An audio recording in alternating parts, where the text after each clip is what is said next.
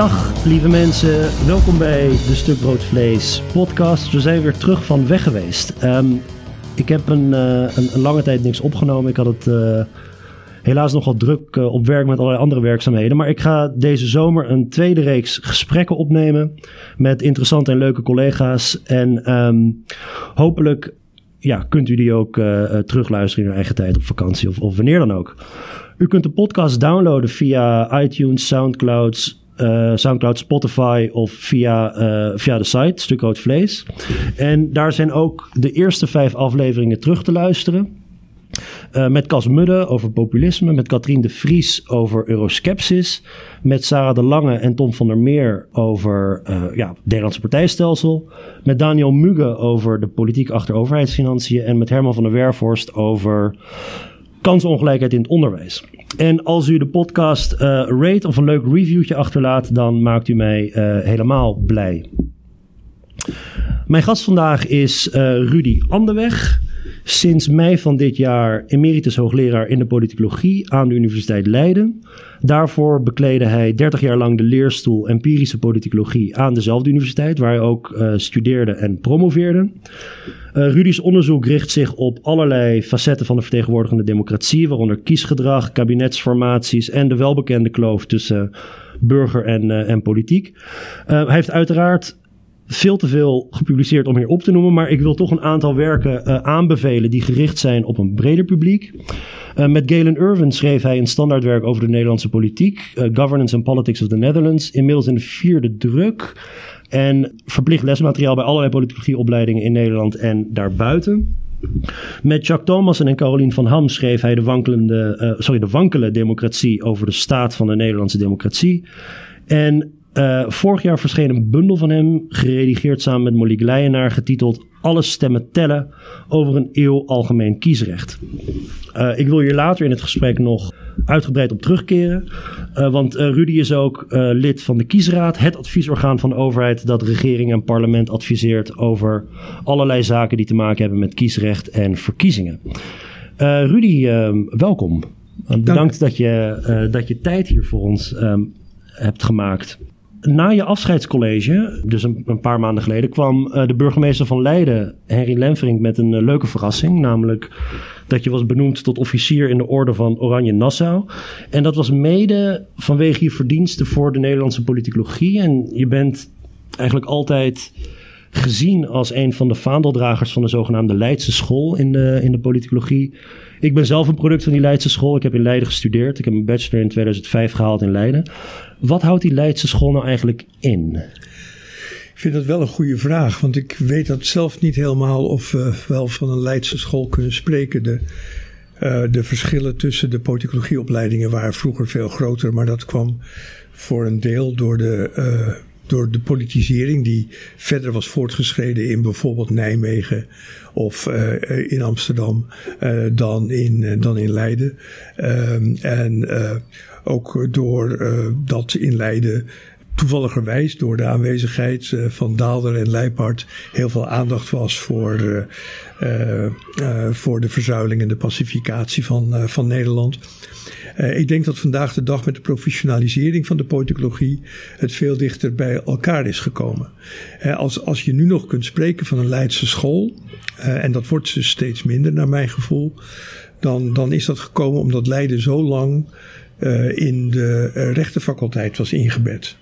En daardoor Leiden een, heel erg gericht was op, op instituties, op regelgeving um, en de effecten daarvan op politiek gedrag en politieke processen. En dat was misschien minder dan, dan elders. Ik vind dat het belangrijkste verschil. Het hangt een beetje samen met daardoor met een ander verschil. Dat in Leiden misschien wat meer aandacht was dan sommige andere politicologie voor het eliteniveau.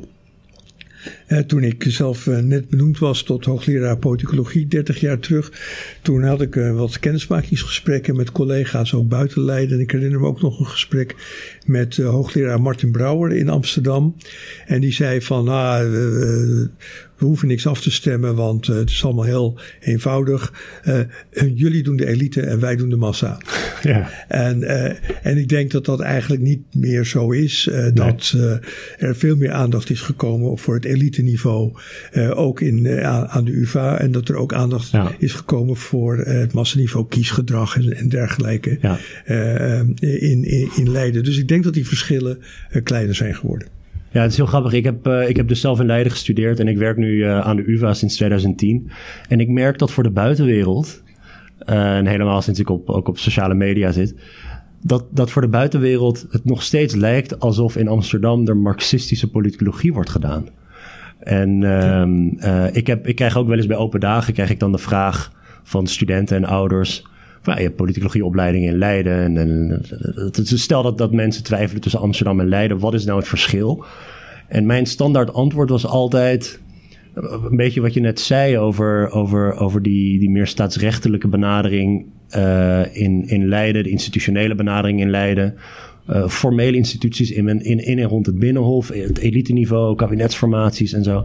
En dat het in Amsterdam, dat eigenlijk alles wat ook maar rakelings te maken had met machtsrelaties, werd gezien als politiek. En dat, dat, dat de opleiding wat breder was. Maar je ontkomt er niet aan dat het toch allemaal een beetje clichés zijn. Dat, dat uiteindelijk in beide. En, en ook omdat de politicieopleiding in Leiden ook veel, veel meer is uitgebreid sinds ik hier weg was met allerlei internationale. Uh, Oké, maar jij, het, het, het, is wel duidelijk, jouw, jouw focus in jouw onderzoek is, uh, richt zich op actoren in en rond, nee, niet alleen het Binnenhof, maar, maar parlementen, kiezers, gekozene instituties. Uh, dat, dat aspect. En daar, dat zal in dit gesprek ook, uh, ook aan bod komen. Um, dus laten we even teruggaan naar je proefschrift. Dat mid jaren zeventig ben, je eraan, ben je eraan begonnen. En het, het is een proefschrift met de titel Dutch Voters Adrift on, uh, of Electoral Change, 1963, 1977. En nou ja, Dutch Voters Adrift, uh, de kiezer op drift, dat is nog steeds een, een buitengewoon actueel onderwerp. Het is zelfs een beetje een cliché geworden dat kiezers op drift zouden zijn geraakt. En uh, onze collega uh, Tom van der Meer, ook een oud student van jou. Die heeft bijvoorbeeld uitgerekend dat bij de Tweede Kamerverkiezingen van 2017 maar liefst 25% van de Kamerzetels van partij zijn veranderd. En dat is op uh, 2002 na de meest volatiele verkiezing die we, die we hebben gehad. En uh, Europa breed genomen zijn behoren de Nederlandse verkiezingen tot de meest volatiele in Europa. Nu is het eigenlijk vrij duidelijk. De kiezer is op, op drift, dat zullen we straks uiteraard kwalificeren. Steeds meer kiezers kiezen ook op meerdere partijen. Ze, hebben niet meer, ze zijn niet meer honkvast. Uh, het lijkt nu allemaal heel duidelijk. Maar, maar hoe was dat destijds toen je, toen je aan dit onderwerp begon? Ja, ik begon aan dat onderwerp eigenlijk uh, in, toen ik student was, masterstudent in, aan de Universiteit van Michigan. Ehm, daar met kiesrechts, met, met, met, met kiesgedragsstudies in aanraking kwam. En, en hoe dat zich verhield tot uh, het partijstelsel. En dan was daar in die tijd, uh, dan praten we over de jaren zeventig, een van de belangrijke centrale bronnen was Lipset en Rockaan. dat dat met de invoering van het algemeen kiesrecht waren de partijstelsels bevroren geraakt. en die, uh, uh, en, en daarna was er eigenlijk weinig verandering meer. De, de, de keus die je had in, in Nederland in zeg maar de jaren twintig van de vorige eeuw, dat was tussen verschillende vormen van conventionele partijen. En je had liberale partijen, je had een sociaal-democratische partij. En had je nog wat kleine dingen eromheen, maar dat was het ongeveer. En in de jaren zestig was dat nog steeds zo. Hè? Dus dat was bevroren. Dat was een, een, een goede een goede stelling. Uh, die periode van 40 jaar tussen invoering algemeen kiesrecht, kiesrecht jaren 60, dat, verkiezingen veranderden gewoon niet. De uitslagen en, dat, en dat, dat was als het ware de, de ijstijd van Lipset en Rock aan. Hè, uh, ja. want, want ja, alle kiezers waren met de invoering van het algemeen kiesrecht gemobiliseerd. Ouders gaven dat door aan hun kinderen als het ware. Want je zat in dezelfde sociale groep in, de, in Nederland in dezelfde zuil. Andere, opkomstplicht. Uh, opkomstplicht. hè, dus er, was gewoon geen ruimte. Nee. Er was de gedachte dat er iets nieuws uh, zou komen. En dan zag je toch uh, in, in, aan het eind van de jaren zestig zag je toch de eerste verschijnselen van, van een dooi. Hè? Dat, daar komt ineens de Boerenpartij, daar komt D66 met de ogen van vandaag waren dat kleine rimpelingen uh, in een stabiel partijlandschap. Maar in die tijd was dat, nou, dat was nogal wat. Uh, en zag je dus ook uh, de, de, onze beroemde Pedersen-index van volatiliteit. Ja. Die, die zag je omhoog gaan. Um, heel bescheiden weer met de blik van nu uh, terugkijkend. Ja, ja D66 kwam, kwam als nieuwe partij in de Kamer met iets van zeven zetels. Zeven zetels. Dat, en, tegenwoordig is dat. Dat werd een landslide genoemd. Ja, nou, ja, dat, dat uh, dus, maar goed, dat, dat was dus het begin. En daar was ik wel door gefascineerd geraakt. Van, van wat klopt er dan niet aan Lipset en Rock aan? Hoe komt het eigenlijk? Wat, wat zijn dan de verklaringen waarom er nu verschuivingen aan het optreden zijn? En dan vond je allerlei verschuivingen. Ik vind altijd nog de, de, de, leukste die ik heb gevonden was uh, de verlaging, dat de verlaging van de kiesgerechtigde leeftijd uh, naar, eerst naar 21 en later door naar 18. Maar dat die een nieuw contingent kiezers bracht in 1967. Dus uh, dat dat. Uh, en, en, dat dat de, geboortegolf was van na de oorlog. Versneld door de verlaging van de kiesgerechtigde leeftijd. Die toen ineens in de verkiezingen kwam. In de, in de stemlokalen kwam. En, en, dan zien we ineens D66 en de Boerenpartij. Ja. Uh, en toen ben ik dat precies gaan uitrekenen. en uh, uh, dat bleek een rekenfout te zijn van de mensen die dat dachten. Want die, die hebben gewoon genomen van bevrijding van Nederland. En dan worden die kinderen die worden verwekt. En die negen maanden later worden ze geboren. En dan 21 jaar later gaan ze de stembus in. Maar de verkiezingen in 1967, die waren, er waren vervroegde verkiezingen. Uh, en die vonden plaats in februari in plaats van in mei. Ja, ja. En dus die vonden net plaats voor de geboortegolf. Dus die hele geboortegolfverklaring ja. van generatie, oh, nieuwe generatie, dat werkte niet. Dus, uh, en, en, dus ik ben al die verklaringen gaan afpellen. Uh, in de hoop dat ik een verklaring zou vinden die het wel deed. En die heb ik niet gevonden. Dus ik was aan het eind van mijn proefschrift wel wat teleurgesteld. Ik vind zelf dus niet. Ja, ik was, ik was niet helemaal tevreden over dat boek, want het was debunking van allerlei hypothesen. De televisie had het gedaan ja, ja, en, al, ja. al, dat soort van dingen. Uh, en, en, ik vond maar niks. Hè? Um, maar, en uh, later in de jaren tachtig zijn er wel een aantal uh, boeken verschenen. Dit is na, na jouw proefschrift. Je hebt je proefschrift verdedigd in 82, als ik me. Ik geloof het wel. Goed herinner. um, nou, maar daar, kwamen allerlei, daar kwamen allerlei boeken in de politicologie op die dus zeiden van ja, die, um, die groepsidentiteit die mensen hadden, die is aan het afnemen. Dus als je dan bijvoorbeeld kijkt naar sociale klassen en de relatie van sociale klassen met stemkeuze. Of de relatie tussen religieus seculier en stemkeuze. Dat allerlei van die, van die groepsvariabelen, ja. die zijn afgenomen. En in plaats daarvan kwamen, de, uh, kwamen issues op als verklaring voor, voor kiesgedrag. Zag je dat Zag je dat nog niet in, jou, in jouw data destijds? Was het te vroeg om te, om te zien dat er bijvoorbeeld ontkerkelijking was? Ja, ja nee. Oh, oh de, de, de, ontkerkelijking was er gewoon. Er was geen, geen, geen uh, twijfel over. Maar ik vond dat bijna, eh, omdat, omdat um, je kerkelijke identiteit zozeer samenhing met hoe je stemde, vond ik het uh, bijna een, een, een, onvoldoende verklaring. Hè? Want dan, uh, it begs the question, waarom vond die ontkerkelijking dan plaats? Wat ja. was nou het proces wat er, wat er echt onder ligt? Hè? Vandaag de dag noemen we dat misschien individualisering. Ja. Maar dan nog is de vraag, waar komt die individualisering dan vandaan? En uh, ik heb dat eigenlijk, uh, ik heb daar nooit een, een, een, sluitende en overtuigende verklaring voor gevonden. En ik, ik, heb hem zelf in ieder geval toen niet gevonden en ook daarna niet echt gelezen. Ja, en zie, zien we, uh, nou, zoals ik net al zei, de, de, volatiliteit vandaag de dag is nadrukkelijk aanwezig. Het, NKO-rapport van 2017 laat zien dat gemiddeld genomen 20% van de kiezers uh, stemt nog maar op één partij. Of overweegt op één partij te stemmen. Dat was in de jaren 80, begin jaren 80 was dat 40 procent. Ja. En gemiddeld genomen hebben mensen drie partijen in hun nou ja, keuzesetje, laten we het maar noemen. En tegelijkertijd heb je ook weer een beweging die uh, in de politicologie die verklaringen op basis van bijvoorbeeld opleiding opwerpt. Alsof er een nieuwe verzuiling plaatsvindt. Ja, ik, ik, ja. ik, ik kan er niet meer over praten zonder te zeggen dat ik zelf ook enigszins tot die groep ben gaan behoren. Uh, en, en in Amerika ook. Er is een boek uitgekomen dat ontzettend veel teweeg heeft gebracht van uh, Chris Aiken en Larry Bartels. Dat heet Democracy for Realists.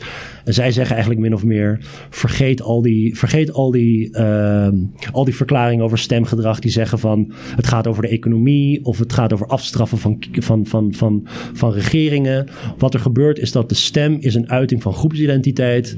En het, het dubbeltje valt soms de ene kant op, soms de andere kant op. Maar het is eigenlijk allemaal vrij in marmer gebeiteld bijna. Het lijkt alsof, alsof er nu meer populariteit is dan in de afgelopen 20, 30 jaar voor diezelfde ideeën van Lipset en Rokkan en daarvoor van, van, van mensen als Barrelson en, en gewoon echt die, die, die pioniers van het kiesonderzoek die eigenlijk aantoonden het, het zijn groepsvariabelen, zoals sociale klasse, zoals etniciteit, zoals opleiding, zoals dat soort variabelen. Zie, zie, je daar iets in, in die uh, terugkeer van, in die nieuwe verzuiling? Uh... Um, ik heb er voor Nederland eh, wel aarzeling over. Kijk, in Amerika begrijp ik het wel. Uh, omdat we daar een enorme polarisatie hebben gezien.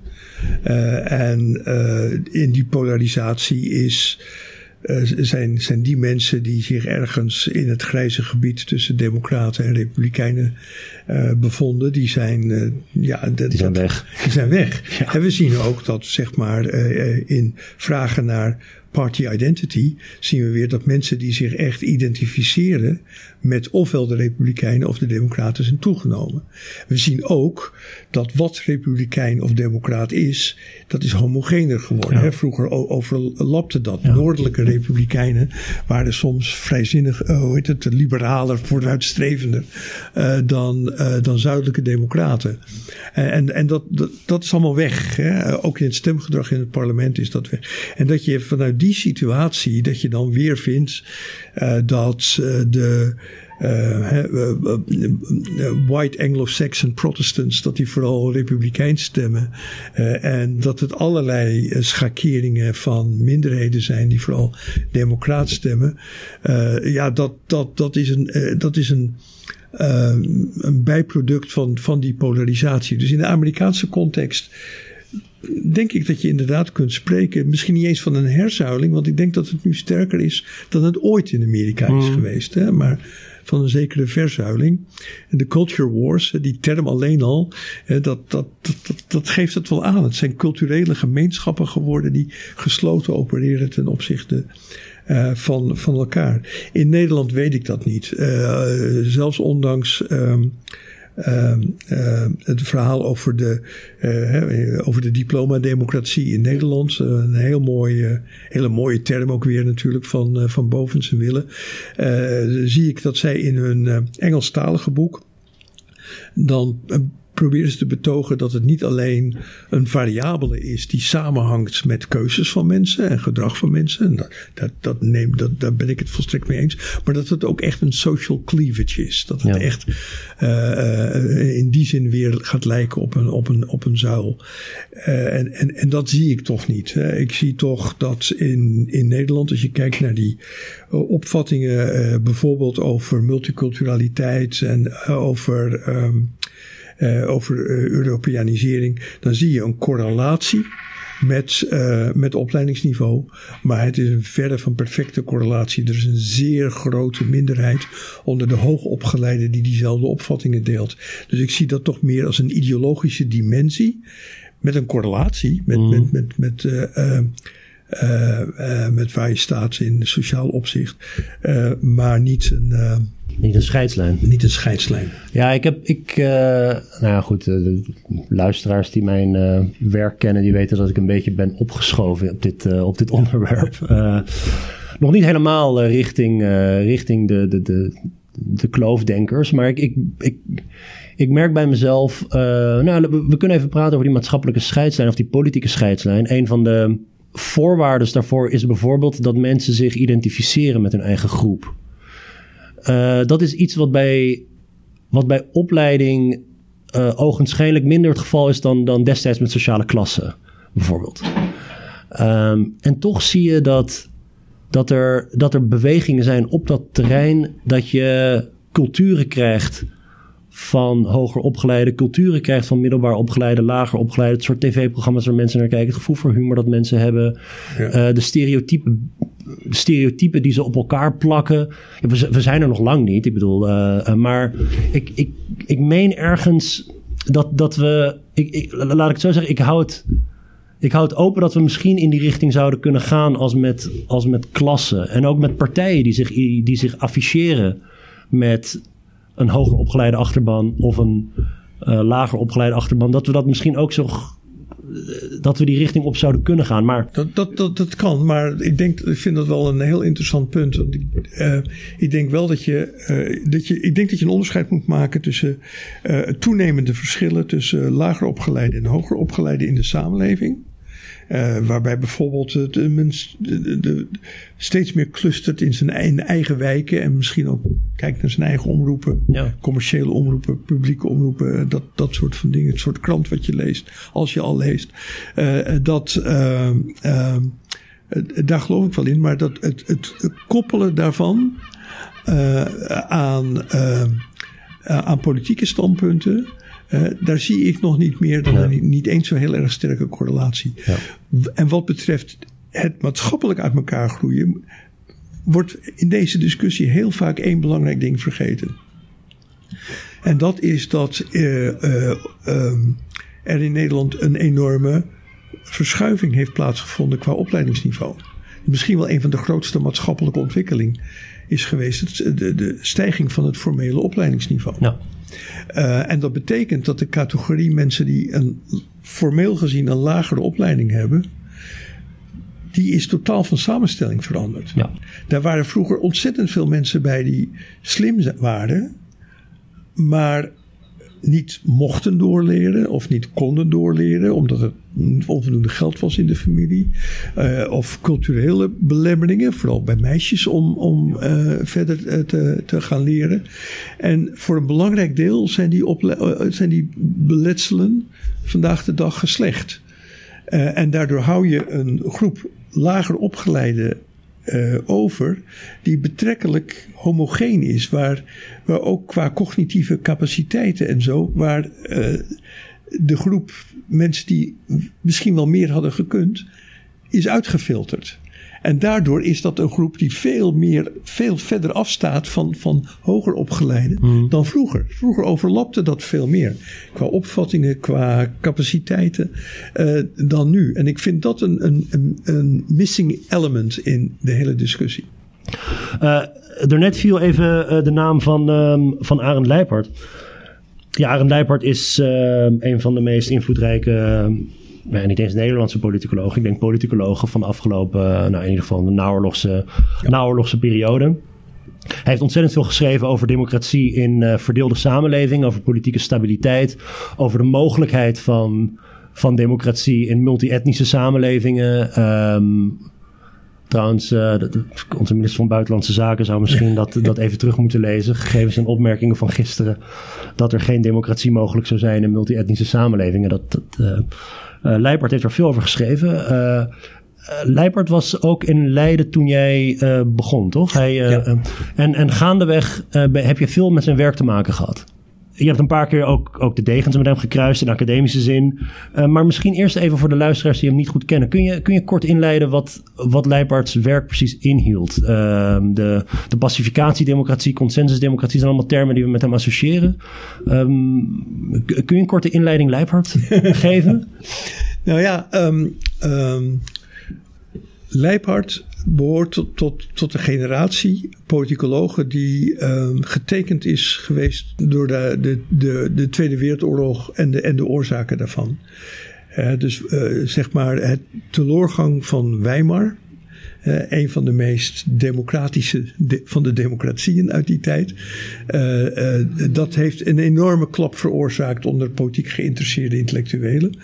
en dat kon ik hier in Leiden, kon je dat bij mensen als Daalder helemaal, maar ook bij Leipart heel duidelijk zien. En zij waren dus gefascineerd door het idee van hoe veranker je nou een democratie? Hoe kan een democratie stabiel zijn?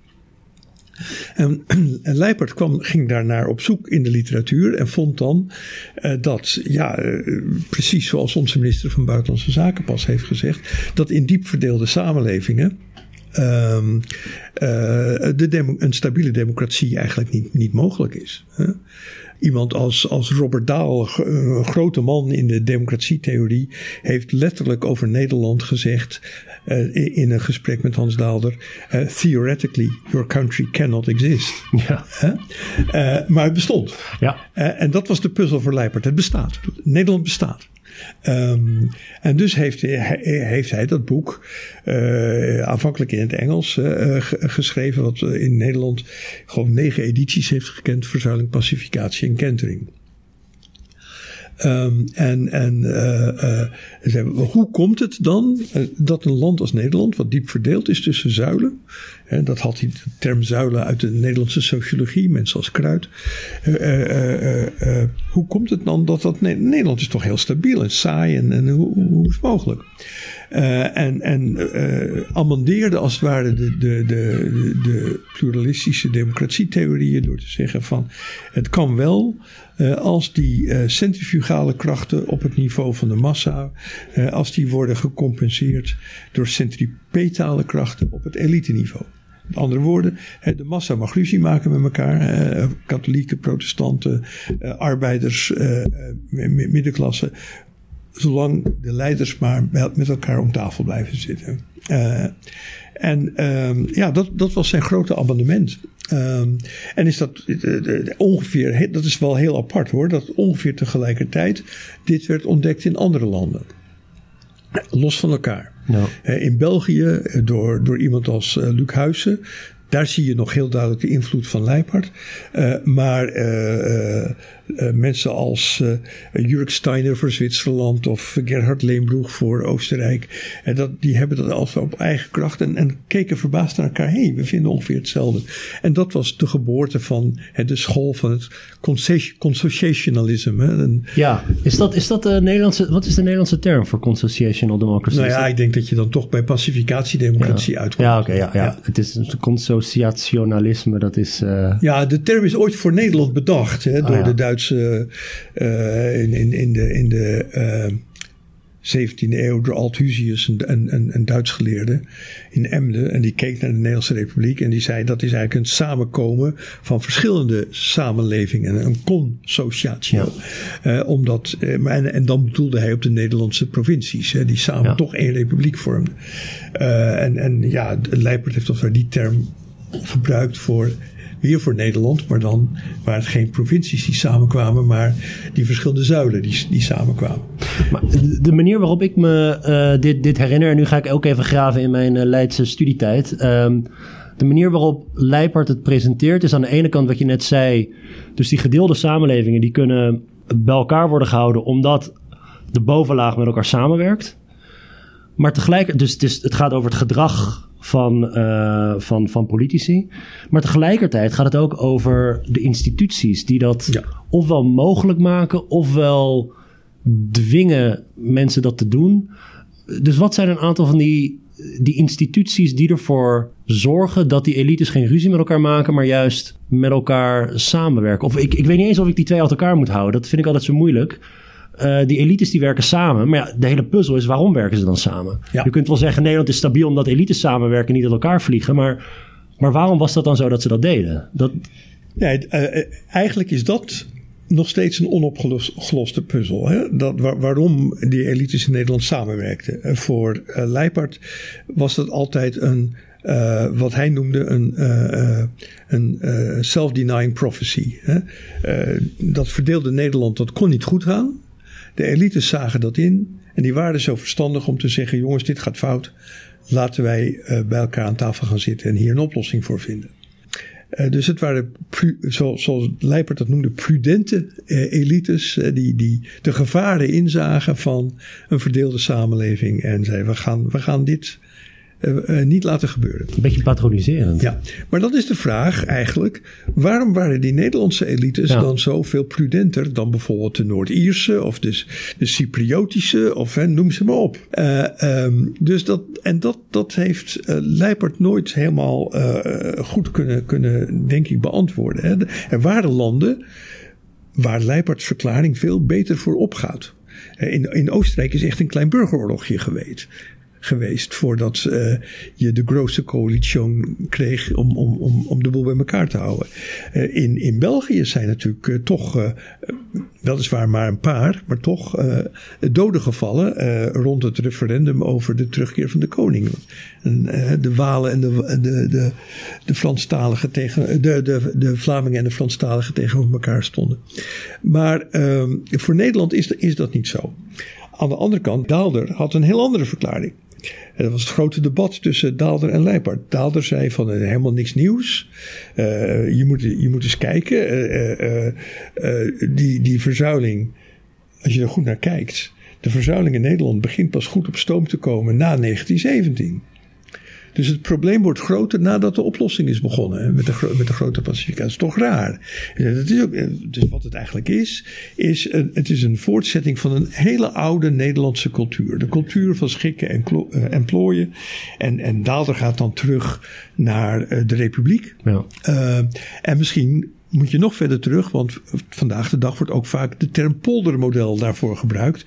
Moet je terug naar de, naar de, naar de 13e eeuw, toen de waterschappen in Nederland begonnen om samen het, het, uh, de schouders uh, schouder aan schouder te staan om het water buiten de polder te houden. Ja. Um, dus, um, uh, maar daarvoor is het toch een probleem dat er uh, lange tijd die elites niet hebben samengewerkt in Nederland. En dan, hè, want hoe, hoe komt het dan dat we hadden eerst de provincies. Nou, de provincies zijn door Napoleon afgeschaft zo'n beetje. Althans als, als belangrijke politieke actor. En dan krijg je zuilen. En dan gaan die zuilenleiders, die nemen dat gedrag van die leiders van die provincies ineens over. Dus een rare historische discontinuïteit. En dan, uh, maar culturele continuïteit. Dat is toch iets vreemds. Uh, uh, en historici hebben ook wel, zoals Blom, hebben ook wel gezegd, ja, dat klopt eigenlijk niet wat Daalder daar doet. Dus die, we hebben twee rivaliserende verklaringen, maar allebei zijn ze niet echt uh, overtuigend. En ze zaten allebei in Leiden. Ze zaten allebei in Leiden. Waren, in, waren er aan de afdeling ook kampen? Helemaal niet. Lunchtafel Daalder, nee, lunchtafel Nee, nee uh, helemaal niet. Ik bedoel, ik, na mijn studie in, in, in Leiden ben ik in, in de Universiteit van Michigan gaan, gaan studeren. En daar werd mij gevraagd in welk kamp ik zat. Ja. Ik dacht, zat Daalder of Leipart, waar gaat dit over? Dus ik ben echt naar de, naar de bibliotheek gegaan om op te zoeken ja. waar dit over zou kunnen gaan. En dus het, het speelde dus ook in, in, de, in, de, in de opleiding uh, helemaal niet zo'n grote nee. rol. Maar uh, nog even terug naar de instituties. Dus, ja. dus er, zijn wel een aantal, er zijn wel een aantal facetten van een, een democratie als de Nederlandse die heel anders zijn dan als je kijkt bijvoorbeeld naar het, uh, het, het model in het Verenigd Koninkrijk. Ja. En wat ik me, nou, nou de, de, proportionaliteit van het kiesstelsel bijvoorbeeld, de, co de, coalitiepolitiek. Ja. Dat, zijn, dat zijn, eh, als je kijkt naar het ontwerpen van een grondwet of het ontwerpen van instituties, was Leipart uh, een voorstander van instituties die het mogelijk, of die eigenlijk een, die, die het mogelijk maken dat er minderheden bestaan. Dat niet één van de groepen in de samenleving een krappe meerderheid krijgt en, uh, en op die manier eigenlijk de minderheid in de verdrukking komt. Formuleer ik het zo goed? Ja, je formuleert het goed, maar het is wel zo dat, dat Leipert heeft een enorme ontwikkeling doorgemaakt. De, sommige mensen bekritiseren hem daar, daarover, dat vind ik onzin. Hij heeft een hele lange loopbaan gehad en hij is wel eens uh, tot, tot andere inzichten gekomen. In, ja. door zijn, maar uh, je vindt nog wel geschriften van Leipart uit zijn vroege tijd, waar hij eigenlijk meer in het D66-kamp zat, wat betreft stadkundige hervormingen en zo. Uh, en uh, dus hij, is, uh, hij, zag toch wel, hij heeft ook wel gezegd van in, aanvankelijk van dat, dat die pacificatiedemocratie, dat is hartstikke goed voor landen, diep verdeelde landen. Maar ja, hè, want in die landen kun je de champagne van de echte, majoritaire democratie, die kun je daar niet drinken, want dan nee. gaat het fout. Nee. dus, uh, maar het, het is second best.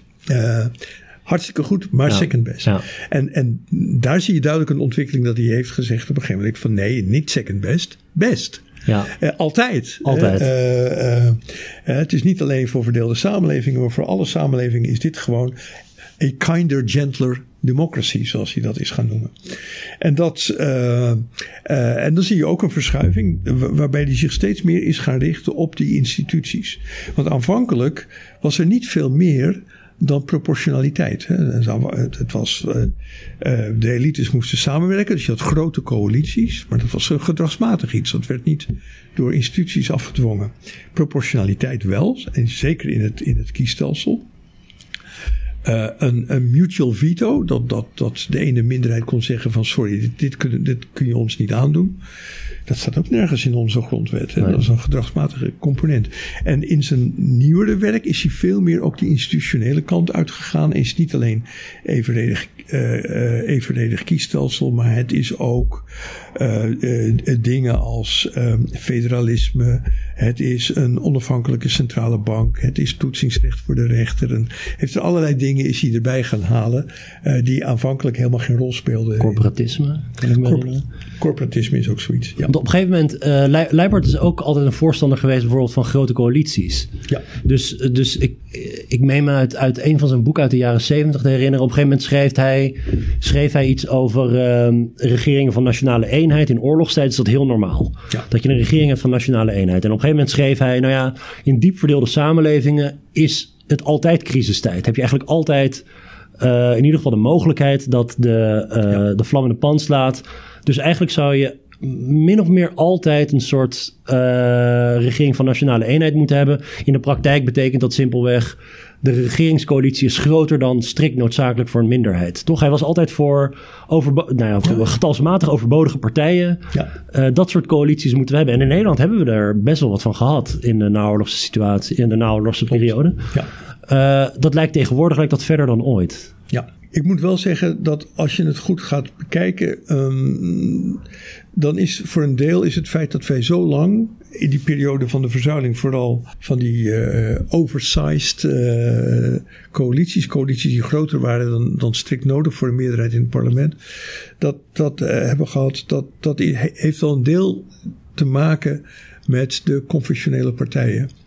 Uh, want als je uh, zeg maar uh, KVP, ARP en CAU altijd al als één partij zou rekenen. Ja.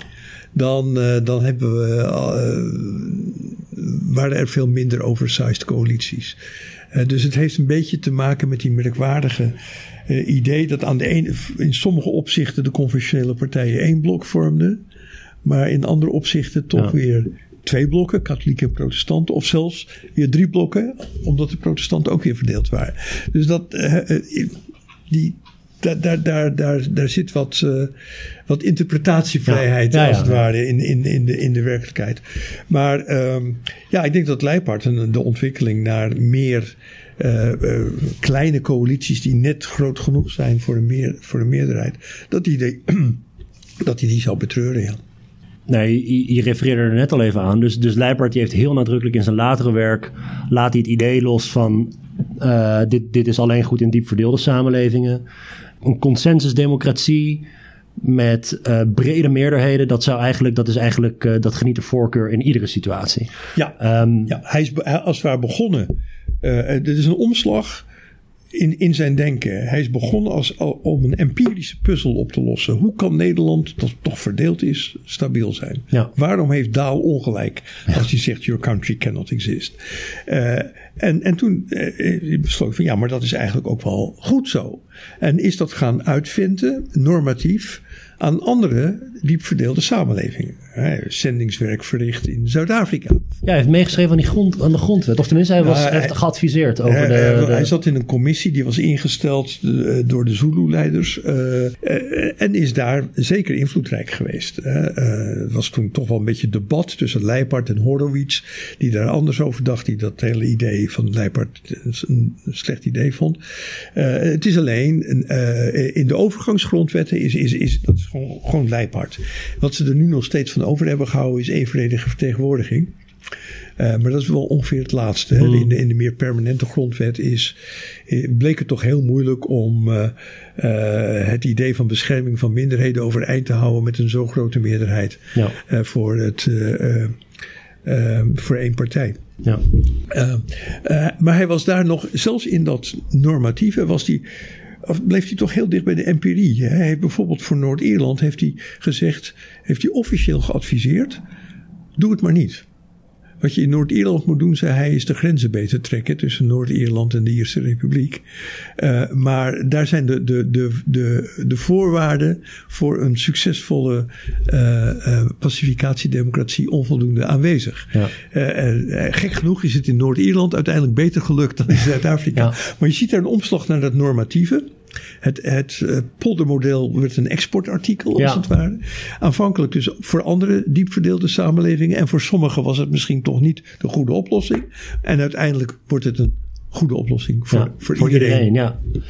En dan terug naar jouw bijdrage aan het debat. Uh, dat is een uitstekende inleiding, Leipard lijkt uh, want op een gegeven moment in 2001 is, heeft, heeft het Nederlandse politicologenblad Acta Politica heeft, een debat gepresenteerd of gepubliceerd tussen jou en Leipard expliciet over deze vraag. En um, voor, mij, voor mij persoonlijk is dat, is dat een belangrijk debat geweest, omdat mijn bachelorscriptie ging daarover. En uiteindelijk mijn allereerste publicatie ooit ging ook over dit debat.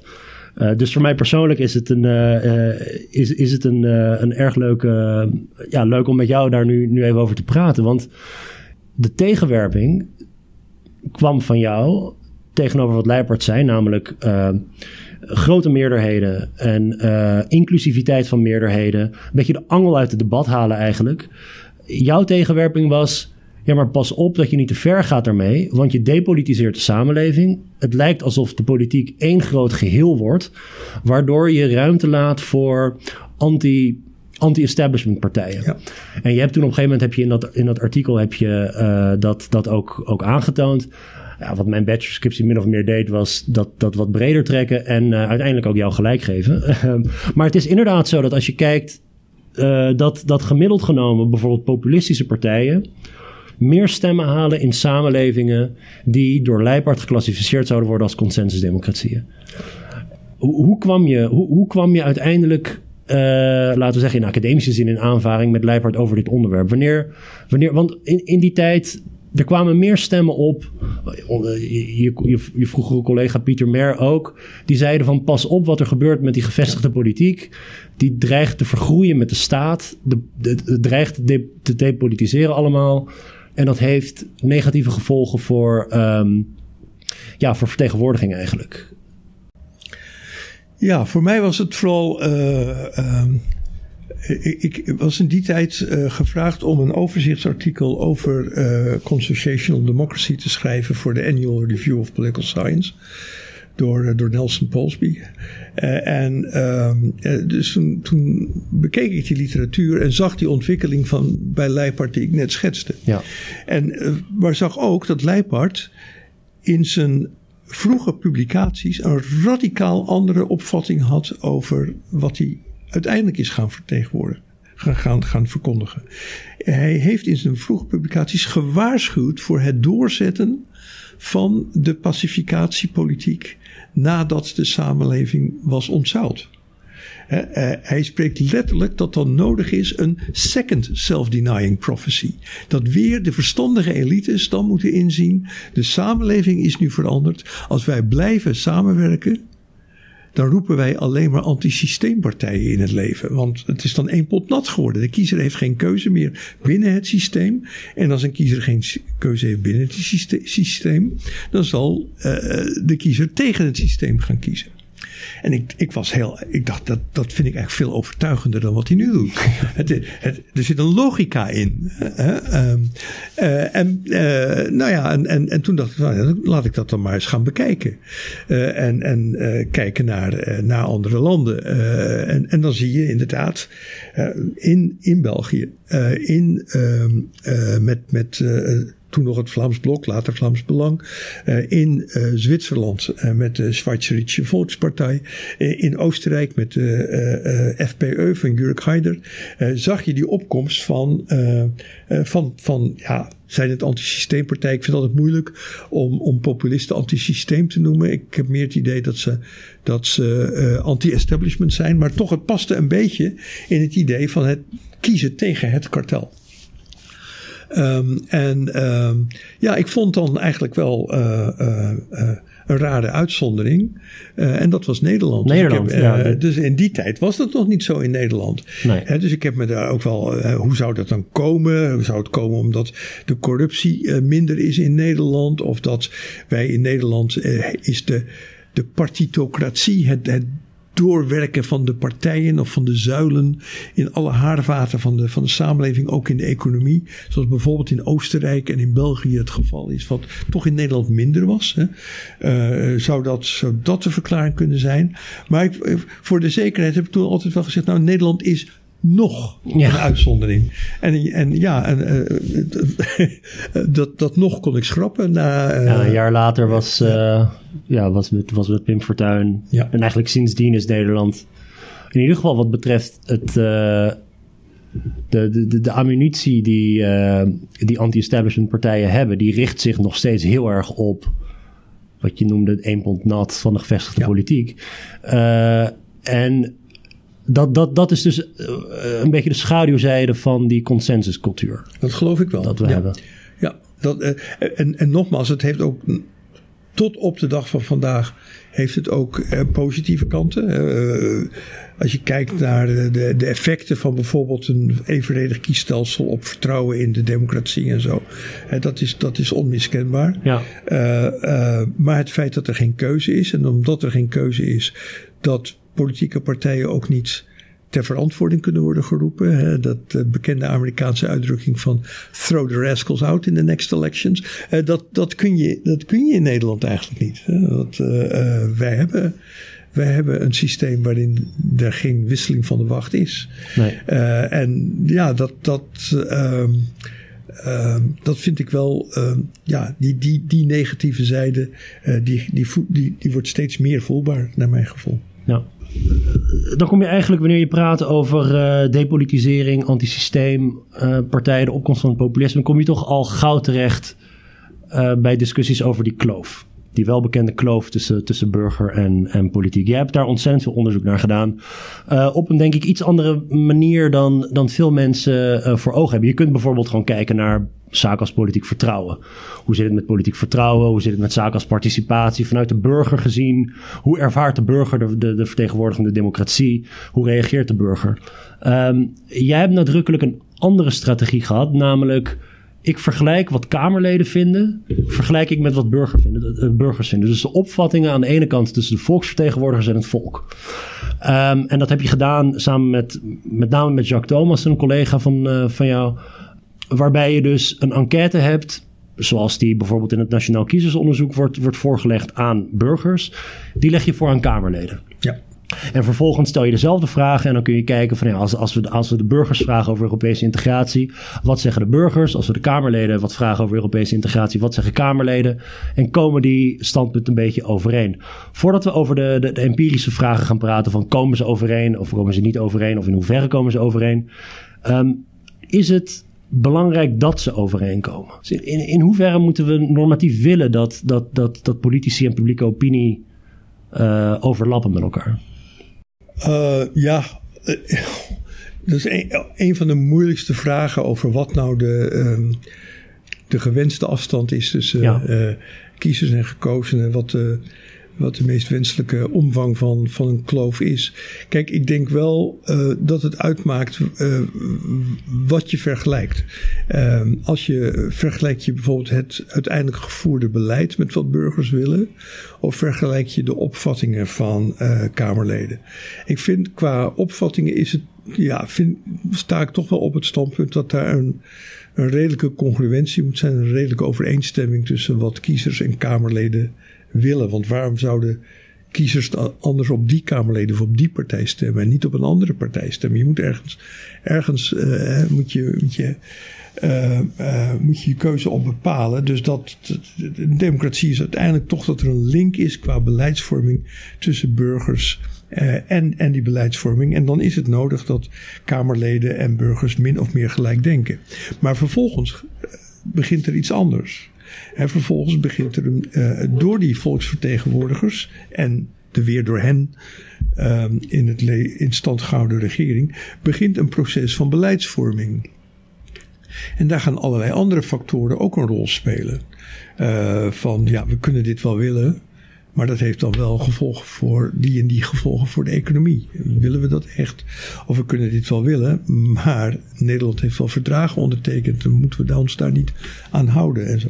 Dus dat dan uiteindelijk het beleid, dat dat. Uh, ook wat anders wordt, dat vind ik, daar heb ik minder moeite mee.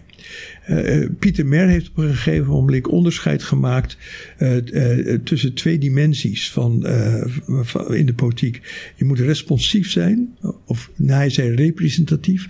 Je moet representatief zijn en je moet responsible zijn. Je moet verantwoordelijk, je verantwoordelijk gedragen. Uh, en met verantwoordelijkheid gedragen bedoelde hij uh, je houden aan, aan, verdragen, een betrouwbare partner zijn voor het buitenland, maar ook op een verstandige manier met de economie omgaan, zodat we niet nu leuke dingen doen en dan de rekening over de schutting gooien bij de volgende generatie. en, en Pieter Mer zegt er is een groeiende uh, tweedeling gekomen. Partijen worstelden daar gewoon mee. En dat, die worsteling is ook goed. Aan de ene kant ben je representatief. Je hebt opvattingen die sporen met jouw achterban. Maar tegelijkertijd ben je verantwoordelijk. En dat betekent dat je soms, niet altijd, maar soms afstand moet nemen van, van die opvattingen die je deelt met je achterban. Dat is allemaal goed. Maar, zegt Pieter, er dreigt een tweedeling te ontstaan tussen partijen die eigenlijk alleen maar representatief zijn Ehm, en het worstelwezen, wat dat betekent voor het uiteindelijke beleid en, en hoe dat uitpakt. Je wilt kiezers naar de mond praten zonder dat ze nadenken over uh, of het wel mogelijk is. Precies. En je hebt partijen die wel erg makkelijk zeggen van ja, verdragen, ja, eh, economische werkelijkheid, jammer kiezers. There is no alternative. There is no alternative, exact. Ja. dus daar, daar uh, en, en Pieter zegt ja, dat is een gevaarlijke tweedeling in ons partijstelsel.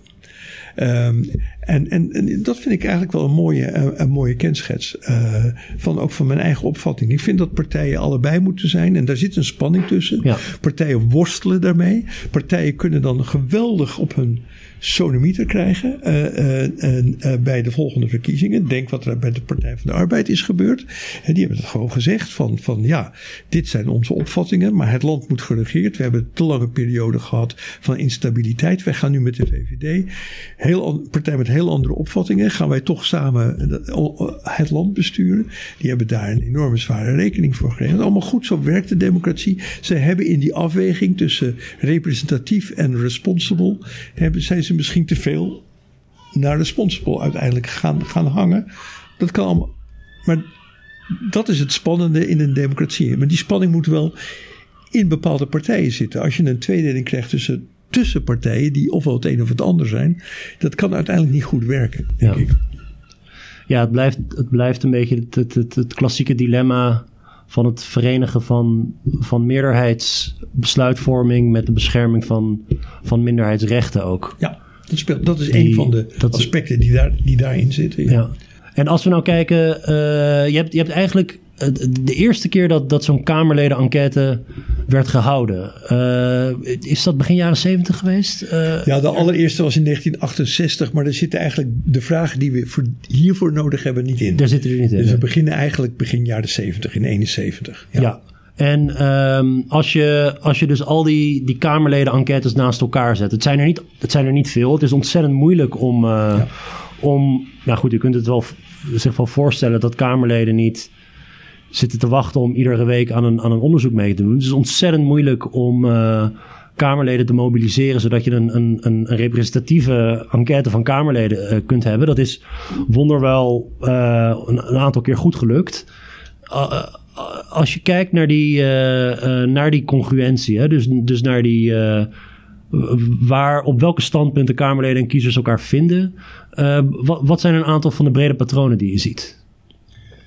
Dus waarop schort het en, waarop, uh, en waar, loopt het goed op en waar, waar is er verbetering mogelijk? Waar zitten de gaten als het gaat om vertegenwoordiging? Nou, als je heel, een hele grove maat zou nemen, uh, zoals de links-rechts schaal, hè, van, van waar sta je op een schaaltje 11 punt schalen, 7 punt schaal, doet er niet toe. Maar waar sta je dan uh, van links naar rechts? En vergelijk dan Kamerleden met, uh, met kiezers. Uh, dan, dan zie je eigenlijk dat dat spectaculair is verbeterd sinds begin van de jaren 70. Dus in, die op, in dat opzicht is de kloof enorm afgenomen. Van algemene ideologie. Een algemene ideologie, dat, dan, dan gaat het eigenlijk heel goed. Um, als je kijkt naar specifieke beleidsterreinen Dan wordt het wat ingewikkelder. Um, dan bijvoorbeeld hebben waar we het lang, de langste tijdreeks hebben, is de vraag naar de inkomensverschillen. Moeten die groter worden of juist niet? Uh, uh, groter worden, kleiner worden of juist niet kleiner worden. dan, ja, dan, dan, dan zie je dat daar een, een verbetering is opgetreden, maar niet zo spectaculair als bij de links-rechts schaal. dus over het algemeen denk ik, als je naar inzoomt op het detailniveau, op echt beleid, beleidsvragen, dan is het iets minder goed. Mhm. Maar nog steeds heel, heel behoorlijk, met een stijgende lijn. Uh, en dan heb je zeg maar de, de nieuwe vraagstukken. We kunnen ook naar, naar oude verdwenen vraagstukken kijken, zoals abortus. Maar interessant. Kernenergie, dat wordt ook altijd nog gevraagd als een soort uh, ja, ja, dat was ook zo'n oude stand van de jaren ja, 80. Ja, uh, en, en law and order, daar werd ook gevraagd. Maar uh, vandaag dag richt de aandacht zich natuurlijk heel sterk op, op een nieuwe dimensie in de politiek, die haaks zou zijn, zou staan op de sociaal-economische links-rechts dimensie en een meer culturele dimensie. Uh, van uh, uh, aan de ene kant de mensen met cosmopolitische opvattingen. Europese integratie is prima. migratie is een fact of life. En dat zo, zo heeft, wel, heeft het positieve kanten. tegenover mensen die zeggen van ja, ik voel me bedreigd door de instroom van, van nieuwe groepen in de samenleving. En Europese integratie is toch vooral ten goede gekomen aan het bedrijfsleven en niet aan de gewone man. Uh, en als je dan kijkt, dan, dan, dan zie je dat het uh, veel minder was. Uh, die congruentie, die overeenstemming uh, tussen Kamerleden en burgers. Maar dat er zeker bij ten aanzien van Europese integratie, dat er een verbetering is gekomen. Een verbetering niet omdat de kiezer is opgeschoven in, in positieve zin over de Europese integratie, maar dat de, de, de Tweede Kamer is eurosceptischer geworden. En in welke periode hebben we het over? Dan, want, want er zijn natuurlijk. Dan, dan, zitten we vooral. Uh, want over uh, Europese integratie was eigenlijk helemaal niet niet een vraagstuk in de jaren zeventig. Dus dat is pas recenter opgekomen. En multiculturaliteit helemaal uh, recenter opgekomen. Dan kunnen we dat eigenlijk alleen maar vergelijken van, uh, uh, vanaf zeg maar de eeuwwisseling tot nu. Hè? Ja. Dat is een heel korte periode. Maar in die korte periode zie je een, een, redelijke verschuiving dus op het punt van die overeenstemming over Europa. Als je er een vergrootglas bij pakt, zie je ook een verbetering van de overeenstemming op het punt van integratie van, uh, van uh, immigranten in Nederland. Uh, maar dat is tussen twee onderzoeken in, is dat eigenlijk statistisch niet significant. Hmm. Dus dan kun je eigenlijk, zeg maar, het is veiliger om te zeggen dat daar niet zo heel erg veel gebeurt kleine verbetering. Hooguit. Ja, eh, als we dus breed genomen gezien heb je een, een situatie waarin uh, gemiddeld genomen de Kamer. Kamerleden, sorry. Uh, dus als je kijkt naar de opvattingen van Kamerleden van kiezers. Kamerleden zijn economisch gezien net wat rechtser dan kiezers, gemiddeld ja. genomen. Uh, ze zijn op het gebied van Europese integratie zijn ze meer pro-Europese integratie dan kiezers. Ja. En op het gebied van integratie zijn ze meer multicultureel ja. in hun opvattingen uh, dan kiezers. Ja. Um, gemiddeld, genomen, ja. Gemiddeld, gemiddeld genomen, ja. Uh, een van de onderwerpen uit jouw uh, afscheidsreden die bij mij het meest achterbleven is dus. Um, we weten al, al langere tijd, er is een je sprak net over die, die culturele dimensie, de economische dimensie. Dus nou, u kunt zich een, een vlak voorstellen waarin, uh, waarin je partijen kunt plaatsen. Dus ofwel ze zijn, ze zijn uh, economisch rechts of links, ze zijn cultureel rechts of links. En een combinatie van die economische en de culturele uh, as. Hè. Dus je hebt partijen die, die links zijn op beide, je hebt partijen die rechts zijn op beide. Nou, en als je kijkt naar kiezers, is een van de interessantere bevindingen van de afgelopen tijd dat er vrij veel kiezers zijn die economisch linkse houdingen hebben en die dat combineren met cultureel rechtse houdingen. Ja. En het interessante is nou net dat het partijstelsel daar geen, uh, daar geen uh, antwoord op heeft. Dus dat er geen partij is die cultureel rechts is en economisch links. Klopt helemaal, ja. Um, we, gaan, we gaan er straks dieper op in, want er zijn allerlei mensen die nu denken... ja, maar de PVV en de SP dan. Komen we zo op terug. Maar eerst even, uh, uit jouw uh, analyses met de data van 2017, want je hebt, je hebt afgelopen jaar met Cynthia van Vonno en Jacques Thomas en een aantal, heb je uh, een nieuwe enquête onder Kamerleden uitgevoerd. Ook in 2017 blijkt eigenlijk een vrij grote groep kiezers is links, nou, laten we zeggen links nationalistisch. Onder Kamerleden is die groep een stuk kleiner. Maar het interessantste was nog wel, al die Kamerleden die daar zitten, zijn eigenlijk verdwaalde Kamerleden. Het zijn geen partijen die daar zitten. Ja. Het zijn Kamerleden uit andere, van, van andere partijen die in dat kwadrant zitten. Maar als jij zou willen stemmen op een linksnationalistische partij, dan heb je eigenlijk geen keuze. Want het, het zijn, het zijn verdwaalde, ja. ja. verdwaalde Kamerleden uit andere partijen. En fractiediscipline noopt die Kamerleden waarschijnlijk om, Ja. uh, om, om weer weg te trekken uit dat kwadrant wanneer puntje bepaaltje komt. Ja. Ja. Ja, eigenlijk zijn de meeste partijen ofwel op beide dimensies links, ofwel op beide dimensies rechts. Ja. Um, uh, er, zit een beetje uh, club, een plukje Kamerleden wat uh, sociaal-economisch rechts is, maar cultureel links, maar dat zijn er niet veel. ja, en dan in, in dat vakje van linksnationalisme daar, daar zijn inderdaad alleen maar verdwaalde Kamerleden en minder. Dus dat is het enige punt waar ik een toename van de kloof heb gevonden. Overal zie je, het blijft ofwel gelijk, het verschil tussen Kamerleden en kiezers, ofwel het kruipt naar elkaar toe. Maar hier zie je dat er rond de eeuwwisseling uh, zat daar nog ruim een kwart van de Kamerleden en nou nog maar 14 procent. Uh, en en dat, neemt, dat neemt dus af. Uh, daar groeit een kloof. En, en, en inderdaad, de kiezer heeft niet de instrumenten om zelf die kloof te verkleinen. Door te zeggen van nou ja, dan ga ik toch op. Dan ga ik op een partij stemmen. Dan ga ik toch op die partij stemmen. Ja. Dan wordt vanzelf wordt dat vakje wel ja. gevuld in de Tweede Kamer. Die mogelijkheid heeft de kiezer niet, want dan zou die, dan zou die moeten weten van individuele Kamerleden waar ze staan. Uh, en dan zou die daar een voorkeurstem op moeten uitbrengen. Want er is inderdaad, precies zoals je zegt, er is niet één partij. Uh, die in dat gat zit. Ik vind het een raadsel. Ja, ja ook omdat, omdat het Nederlandse partijstelsel, of het kiesstelsel, is, is dusdanig proportioneel ja. dat er is echt wel verversing in de Kamer bezig. Zowel ter linker, rechter ja. als uh, nou, welke zijde dan ook. Er komen om de haverklap nieuwe ja. partijen bij. Bestaande partijen die, die bewegen ook uh, uh, all over the place. Maar nu zullen mensen denken, ja maar de, de, de SP dan? Ja. Wat, wat, is de SP niet cultureel gezien conservatief, economisch gezien links? Waar, waarom is dat geen, uh, geen kandidaat? Ja, um, nou, de SP heeft aanvankelijk wel um, opvattingen gehad die daar een beetje op, op leken. De SP was vroeger voor gedwongen spreiding van migranten over Nederland. Dus niet allemaal. Hoe, over hoe vroeger hebben we het? Uh, ja, de eerste jaren nadat ze in de Tweede Kamer waren gekomen. Hè. Echt nog uh, begintijd van, van Marijnissen en Poppen. Uh, toen, toen was dat nog een, een, een standpunt. Dus niet allemaal in de binnensteden van Amsterdam, Utrecht en Den Haag en Rotterdam. Maar gewoon ook in, in, uh, ook in Wassenaar en Appelscha. En dat hebben ze losgelaten.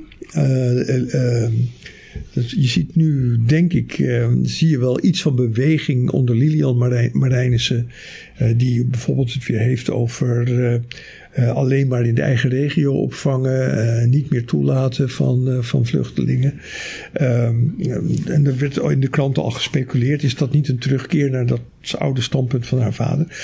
Nou, dat zou kunnen, dat weet ik niet. Maar in ieder geval, het was zelfs vroeger zo mondjesmaat dat SP was gewoon een links-linkse partij uh, en niet een links-nationalistische uh, partij. Dat, dat, ja. Ze hebben geprobeerd af en toe, maar het, ja, ze hebben dat nooit plausibel weten te combineren. En ik denk dat nu um, uh, denk ik dat het alleen nog maar. Hè, toen was het een nieuwe partij toen ze daarmee begonnen. Uh, dat nu met een kader uh, wat wethouders en raadsleden heeft in allerlei grote steden.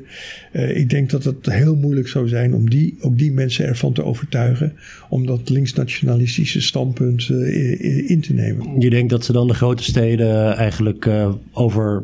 Voor, voor, goed verliezen aan ja, aan GroenLinks. Ja, of, um... ja. Dat, in, in, ieder geval denk ik dat je daar dan een, een, uh, ja, de, de, kans op, op, op afsplitsingen of, of mensen die, die er dan maar mee ophouden om voor de SP uh, actief te zijn en overstappen dan maar naar GroenLinks of zo, dat, dat, die, dat risico. Dat risico loop je. Ja, dat, en, dat loop je. en in de data zien we natuurlijk ook dat um, niet alleen Kamerleden van de SP, maar ook raadsleden van de SP dat je, wanneer je kijkt naar inhoudsanalyses van de verkiezingsprogramma's, ja. de SP op het culturele vlak is nooit en te nimmer nee, nee. cultureel rechts te noemen. Ze zijn hoogstens ambivalent of misschien een beetje in het midden. Of, ja. Maar ze, ze, ze, zijn nooit in al de analyses die ik heb gezien in ieder geval... Um, ja, misschien af en toe eens een keer retorisch dat er, dat Ja. er iets uit, uitkomt. Maar wanneer je gewoon echt kijkt naar, naar, naar, naar variabelen die wat dichter bij beleid aanzitten... Ja. Eh, je moet dan wel, vind ik, een. een, een, een eh, er is één duidelijke uitzondering eh, bij, bij de SP. En dat is hun standpunt over Europa. Ja, ja, dus ja. eh, dus eh, we, hebben- we hebben het dan, eh, als we het hebben van de SP eh, is nooit overtuigend eh, dat kwadrant van de linksnationalistische kiezer ingetrokken. Dan hebben we het over eh, problemen rond immigratie en integratie. We Ja. hebben het niet over de dimensie van de Europeanisering. Want de SP was bijvoorbeeld ook in het verdrag, in het referendum over, over het, eh, de ja. Europese constitutie heel duidelijk. eh, maar op puur economische gronden zijn ze dat natuurlijk waren tegen, tegen precies, Europa. dat was eh, meer op economische dan culturele gronden. Ja. Eh, en de PVV? Eh, een partij Nou, de. PVV eh, eh, vind ik eigenlijk nog meer dan de SP echt pogingen ondernomen te hebben. Zeker in, in, de, in de vorige Kamerperiode. Door op, op sommige punten, denk bijvoorbeeld aan de, de gevolgen van privatisering van de postbezorging voor postbezorgers en hun arbeidsvoorwaarden. Eh, denk aan de verlaging van de pensioen, eh, of sorry, de verhoging Ja. van de pensioengerechtigde leeftijd. Eh, eh, daar, daar zag je dat eh, de PVV probeerde ook eh, te bewegen eh, in de richting van linkse eh, economische standpunten. Eh, eh, en dat heeft zelfs geleid tot afsplitsingen in de vorige Kamerperiode. En dan zie je al dat het heel moeilijk is. Het komt, komt bij die partij niet van nature. En het komt ook bij de leider van die partij, Wilders, niet van nature. Hè. Wilders was vroeger woordvoerder sociale zaken bij de VVD. En bij de VVD hadden ze nog nooit zo'n rechtse gehad op dat, op dat vlak. Eh, dus het komt, het komt niet, hij moet het uit zijn tenen halen. Eh, het komt niet uit zijn hart. En dus ook het voortdurend afgeven op de linkse kerk en zo, dat helpt niet om, om linkse kiezers, sociaal-economisch linkse kiezers, te zeggen: je moet bij de, bij de Ja. PVV zien. Ook, hè, dus het, het is opvallend dat we in, in ons onderzoek vinden we daar ook geen PVV-kamerleden die, die echt evident in dat, in, in dat hokje eh, van de linksnationalistische kiezer aan het vissen zijn. de PVV-kamerleden die zitten bij de eh, rechtsnationalistische... eh, Dat klopt. En dat, dat blijkt ook wel. Ik bedoel, dat is niet alleen dat dat uit onze enquête blijkt, maar dat wordt bevestigd als je kijkt naar analyses van het partijprogramma. Als je Ja. kijkt naar stemgedrag van de PVV in de Tweede Kamer. Met wie stemmen ze nou mee? En we- dan, dan, is dat, dan is dat vrij, vrij duidelijk. Dus op dit moment zie je zeg maar wat wat halfhartige pogingen. Want politici die, die, die weten dit. Die weten dat daar een gat zit. Eh, en weten dat er een groot risico is dat een andere partij in dat gat springt. Maar het wil maar niet lukken om op een plausibele manier eh, die combinatie te maken. Ik, eh, ik wilde een laatste eh, blokje eh, vragen eigenlijk ehm, besteden aan, ehm, aan, aan verkiezingen in het algemeen. En dan ook met name over jouw rol als, eh, eh, of tenminste in, jouw in jouw functie als, als lid van de kiesraad. Ehm, eh, 100 jaar algemeen kiesrecht, dat, dat zou gevierd worden in 2017. Ik noemde in de inleiding al dat je een bundel hebt eh, geredigeerd met Monique Leijenaar. Het getiteld Alle stemmen tellen bij Amsterdam University Press. Ik heb zelf een bijdrage geschreven voor die bundel samen met Tom van der Meer. Maar nu zullen veel mensen denken, waarom is dat in 2017 gepubliceerd? Want in 1917 eh, was, het nog, eh, was het algemeen eh, kiesrecht voor vrouwen nog niet geregeld. Dus waarom, Ja. waarom is 1917 zo'n mijlpaal geweest voor het algemeen kiesrecht? En hebben we niet twee jaar gewacht? En, en dit is een argument dat ook eh, Khadija Ariep als argument gebruikte om de festiviteiten rond die herdenking in 2017 af te blazen. Dus van algemeen kiesrecht zal sprake zijn in, in, 19, uh, in 1919. 2019 was het logische, uh, logische punt om het te vieren. Je hebt toen samen met Monique Leijner een stuk geschreven in NRC waarin je die keuze voor 2017 uh, verdedigde. Kun je misschien aangeven wat er nou zo cruciaal was aan die grondwetswijziging van 1917, waarom dat ook voor het vrouwenkiesrecht eigenlijk uh, zo, zo belangrijk was? Um, die, die grondwetswijziging was belangrijk voor het vrouwenkiesrecht omdat um, uh, het verbod op uh, stemrecht voor vrouwen is toen uit de grondwet gehaald.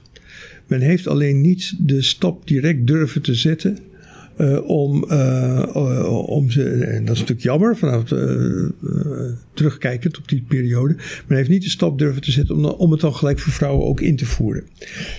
Maar het uitsluiten van vrouwen verhuisde van de grondwet naar de kieswet. En de grondwet is enorm moeilijk te wijzigen. Ja, daar heb je uh, twee lezingen, twee derde meerderheid in de tweede lezing voor nodig, beide, beide huizen van het parlement. Dat, dat, dat is niet niks. Um, uh, terwijl de kieswet, dat is een gewone meerderheid. Dat is een gewone wet. Gewoon een gewone wet, kan je zo wijzigen. Um, en, en dat heeft men toen al, uh, en dat, dat is toen gebeurd.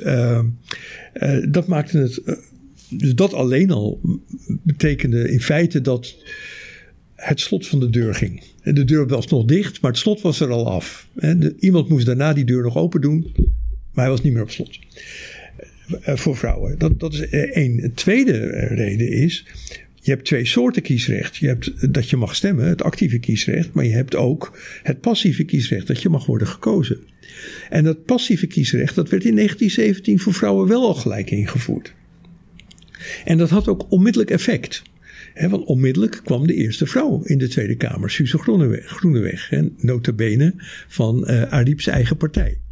Um, en het is, uh, dus die, die twee dingen bij elkaar, vind ik, maken uh, 1917 ook voor vrouwen een, een, een, mijlpaal. Um, en, en je kunt natuurlijk ook stilstaan bij het feit uh, dat, ik bedoel, een democratie is eigenlijk per definitie imperfect. Het is altijd een, een, een, het is altijd een, een, een beweging naar een ideaal toe of van een ideaal af. Ik bedoel, het is zeker niet te zeggen dat we alleen maar, alleen maar richting perfectie gaan. Absoluut niet. Er zijn genoeg gevallen van, van terugslagen. Maar in ieder geval, uh, het, het is ook wel, denk ik, goed om, uh, om misschien stil te staan bij waarom het dan nog niet in, 2000, of, eh, sorry, in 1917 lukte om het universeel kiesrecht, zowel actief als passief, voor iedereen in te voeren. Dus wat waren de, wat waren de argumenten om dat dan niet in 1917 meteen te doen? In, in, in 1919 is dat gebeurd, dus met een wijziging van de kies, kieswet. Maar waar, wie waren er dan zo tegen algemeen kiesrecht voor vrouwen en wat waren de redenen? Om dat, om dat niet in 1917 meteen door te voeren. Nou, in 1917 was natuurlijk een ingewikkelde package deal, hè, waarbij alle stromingen in Nederland iets moesten krijgen. Uh, en uh, lange tijd lukte het maar niet om het algemeen kiesrecht in te voeren. En lange tijd lukte het ook niet om uh, staatsfinanciering voor bijzonder onderwijs in te voeren. En die twee hielden elkaar ware gevangen. En dan werd er, dat werd één package deal. En daarbij moesten sommigen wat meer conservatieve uh, christelijke stromingen moesten accepteren dat er uh, algemeen kiesrecht kwam. Uh, daar waren de antirevolutionairen bijvoorbeeld helemaal geen voorstander van. En zij waren voorstander van een, wat, wat heette een huismanskiesrecht. Hè. Het gezin was een door God geschapen uh, natuurlijke kring. En, en die moest vertegenwoordigd worden in het, het gezin als een eenheid. Het gezin als een ja, ja. eenheid. En aan het gezin stond in die tijd de man aan het hoofd. Hè, dus uh, huismanskiesrecht. Dat, dat, de vader ging dan stemmen voor zijn gezin. En sommige van hen waren best dan, zeiden oké, okay, als die die vader dan er niet meer is, omdat hij is overleden, dan mag zijn weduwe dat kiesrecht, want die vertegenwoordigt dan het gezin. Dus het was niet dat het alleen maar bij, sommigen hing het echt op het geslacht, die wilden vrouwen absoluut daar niet zien, zoals bij de SGP nog lange tijd is gebleven. Maar, uh, maar, maar uh, er waren anderen die daar wat, wat, wat meer functioneel over dachten. Uh, en, en die moesten dus slikken dat er een individualistisch algemeen kiesrecht zou, zou, zou komen. Ook voor, voor groepen die helemaal geen gezin hadden. Of, wat, nou. en dan de vrouw gelijk meenemen, dat, dat, dat werd een stap te ver. Dat konden die als we ook aan hun achterban haast niet. Uh, Vanuit conventionele hoek was de weerstand? Daar was de weerstand het, het grootst. Uh, en ik moet ook zeggen, aan de kant van de voorstanders van vrouwenkiesrecht in die tijd al, was de steun voor het vrouwenkiesrecht ook niet altijd even enthousiast. de, de SDAP was toch altijd mm, een beetje halfhartig over vrouwenkiesrecht. Waarom? Uh, nou, het ging hen natuurlijk uiteindelijk het kiesrecht op zichzelf eh, was helemaal niet een soort van mensenrecht voor sociaaldemocraten in die tijd. Uh, het was een middel om de klassenstrijd uh, in de Tweede Kamer met meer kracht te kunnen voeren. En want dan zouden de arbeiders. En in die tijd, vrouwen werkten in veel mindere mate hmm. dan mannen. Dus die, in die vrouwen waren ze niet zo geïnteresseerd. Waren zelfs een beetje bang dat die vrouwen misschien wel uh, uh, op conventionele partijen gingen stemmen, omdat die vrouwen godsdienstiger waren. Uh, ze hebben ook altijd gezegd: algemeen mannenkiesrecht eerst en dan pas vrouwenkiesrecht. Want als je gelijk al zegt: we gaan vrouwen gelijk trekken met mannen, voordat er algemeen mannenkiesrecht is, dan heb je in feite, zoals ze zeiden, dameskiesrecht ingevoerd. Dan zijn dat liberale dames die op liberale partijen stemmen. Er zijn toen zelfs berekeningen gemaakt, schattingen. We zouden vandaag zeggen simulaties. simulaties. Wat het zou betekenen eh, voor het aantal kamerzetels van de SDAP als dat zou gebeuren. Dus die waren met de mond beleden ze wel het vrouwenkiesrecht, maar uh, ze hadden een andere prioriteit. En die moest eerst. En dan daarna vrouwenkiesrecht. Dus eigenlijk waren alleen hè, de Vrijzinnig Democratische Bond. Dat waren eigenlijk de enigen die duidelijk en met overtuiging op beide punten zeiden. Mannenkiesrecht en gelijk algemeen vrouwenkiesrecht. Ja. Ja, het argument dat, dat, dat, het gezin, dat het gezin dus de eenheid is en dat vrouwen eigenlijk geen onafhankelijkheid genieten. Dat is natuurlijk ook 100 jaar daarvoor werd dat gebruikt om arbeiders zelf het stemrecht te ontnemen. Of ja, je, bent geen je bent niet onafhankelijk als arbeider. Je bent, je, je bent niet je eigen. Nee, als je geen bezit hebt, ben je niet echt Als je geen bezit hebt, ben je niet. Uh, ja. Ongelooflijk. Uh, ik, ik, wil nog een. Uh, ik wil nog een, iets anders uit dat NRC-stuk halen. Um, dus jullie schrijven, jullie schrijven het volgende. Bijna een eeuw ervaring met algemeen kiesrecht en een eerlijk verkiezingsproces heeft ertoe geleid dat veel burgers dit als vanzelfsprekendheid zijn, zijn gaan beschouwen. Vanzelfsprekendheid kan ook een opmaat zijn voor onverschilligheid waarmee de deur op een kier wordt gezet voor degenen die democratie vooral lastig en kostbaar vinden. Dus, uh, einde uh, citaat. En je hoort wel vaker stemmen opgaan om kiesrecht van bepaalde groepen voorwaardelijk te maken.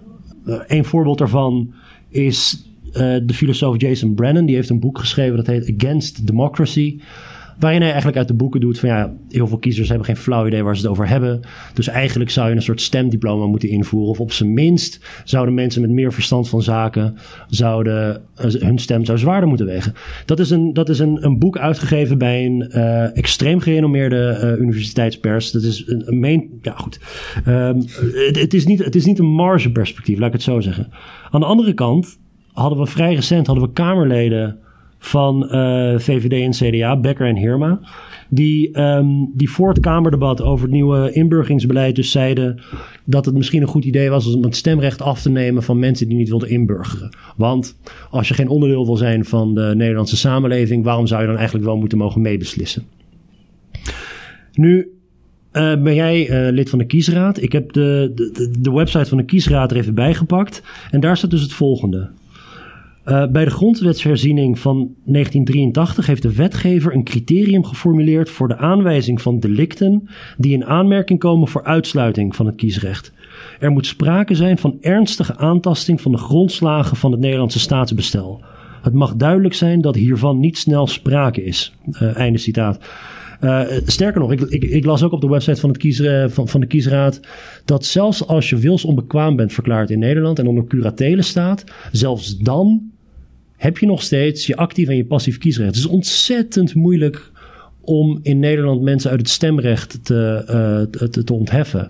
Ja. Um, wat, wat vind je van, van, van het um, voorwaardelijk maken van het kiesrecht? Wat, het feit dat, dat uh, je in ieder geval stemwoord opgaat, en niet de minste, dit zijn Kamerleden ook. om, ja, om dus dat, dat kiesrecht als mensenrecht, onontwreembaar mensenrecht, om daaraan te tornen? Ja, nou ja, het, het, het, past wel in een lange traditie. Hè? Dat boek van, uh, wat, waar, waar, je refereerde, wat ik samen met Monique Leijner heb geredigeerd. Uh, daar was een, een, een, een, een, een zusterboek naast van historici uh, over de ontwikkeling van het kiesrecht in Nederland. En dan zie je ook duidelijk dat het kiesrecht in Nederland als is eigenlijk nooit met overtuiging beschouwd als een mensenrecht. Het werd altijd functioneel gezien. Hè? Er waren ook veel liberalen bijvoorbeeld eh, vanaf Thorbecke eigenlijk die zeiden van... Hey, nou mogen die mensen natuurlijk nog niet stemmen. Hè, maar naarmate het opleidingsniveau van die mensen zal stijgen... dan zal vanzelfsprekend hè, eh, op een organische manier... zal dan ook het kiesrecht moeten worden uitgebreid dus dat, dat idee van het is, het is functioneel voor het. Het kiesrecht is in functie van, van de staat. En wat de staat nodig heeft. En de staat heeft weldenkende burgers nodig. En naarmate er meer weldenkende burgers zijn, dan zal het kiesrecht worden uitgebreid. En, ja. dus dat is een hele oude traditie in, in Nederland. En daar, daar past uh, uh, dit, dit in. Uh, ja, ik denk dat we vandaag de dag, hoewel dit een oude Nederlandse traditie is, dat toch uh, we voldoende verdragen hebben ondertekend waarbij we het uh, kiesrecht als een onvervreemdbaar mensenrecht hebben, uh, hebben erkend en onderschreven in Nederland. En dan, daar passen dit soort geluiden natuurlijk wat zijn, Wat zijn de uitzonderingen? Het, het, het, is wel mogelijk om het stemrecht van, van burgers ja, af als, te nemen? Ja, als iemand zich dus echt aan, dat soort delicten heeft waarbij de, de democratische rechtsstaat in het geding is, dan kan de rechter dat als een bijkomende straf opleggen. Er moet, er moet altijd een rechter aan te pas komen. Er moet altijd een rechter aan te pas komen. Uh, dat, dat, dat is het enige. Je, je, zou kunnen zeggen waar, waar, waar we in Nederland nog wel een stukje uh, functionaliteit hebben.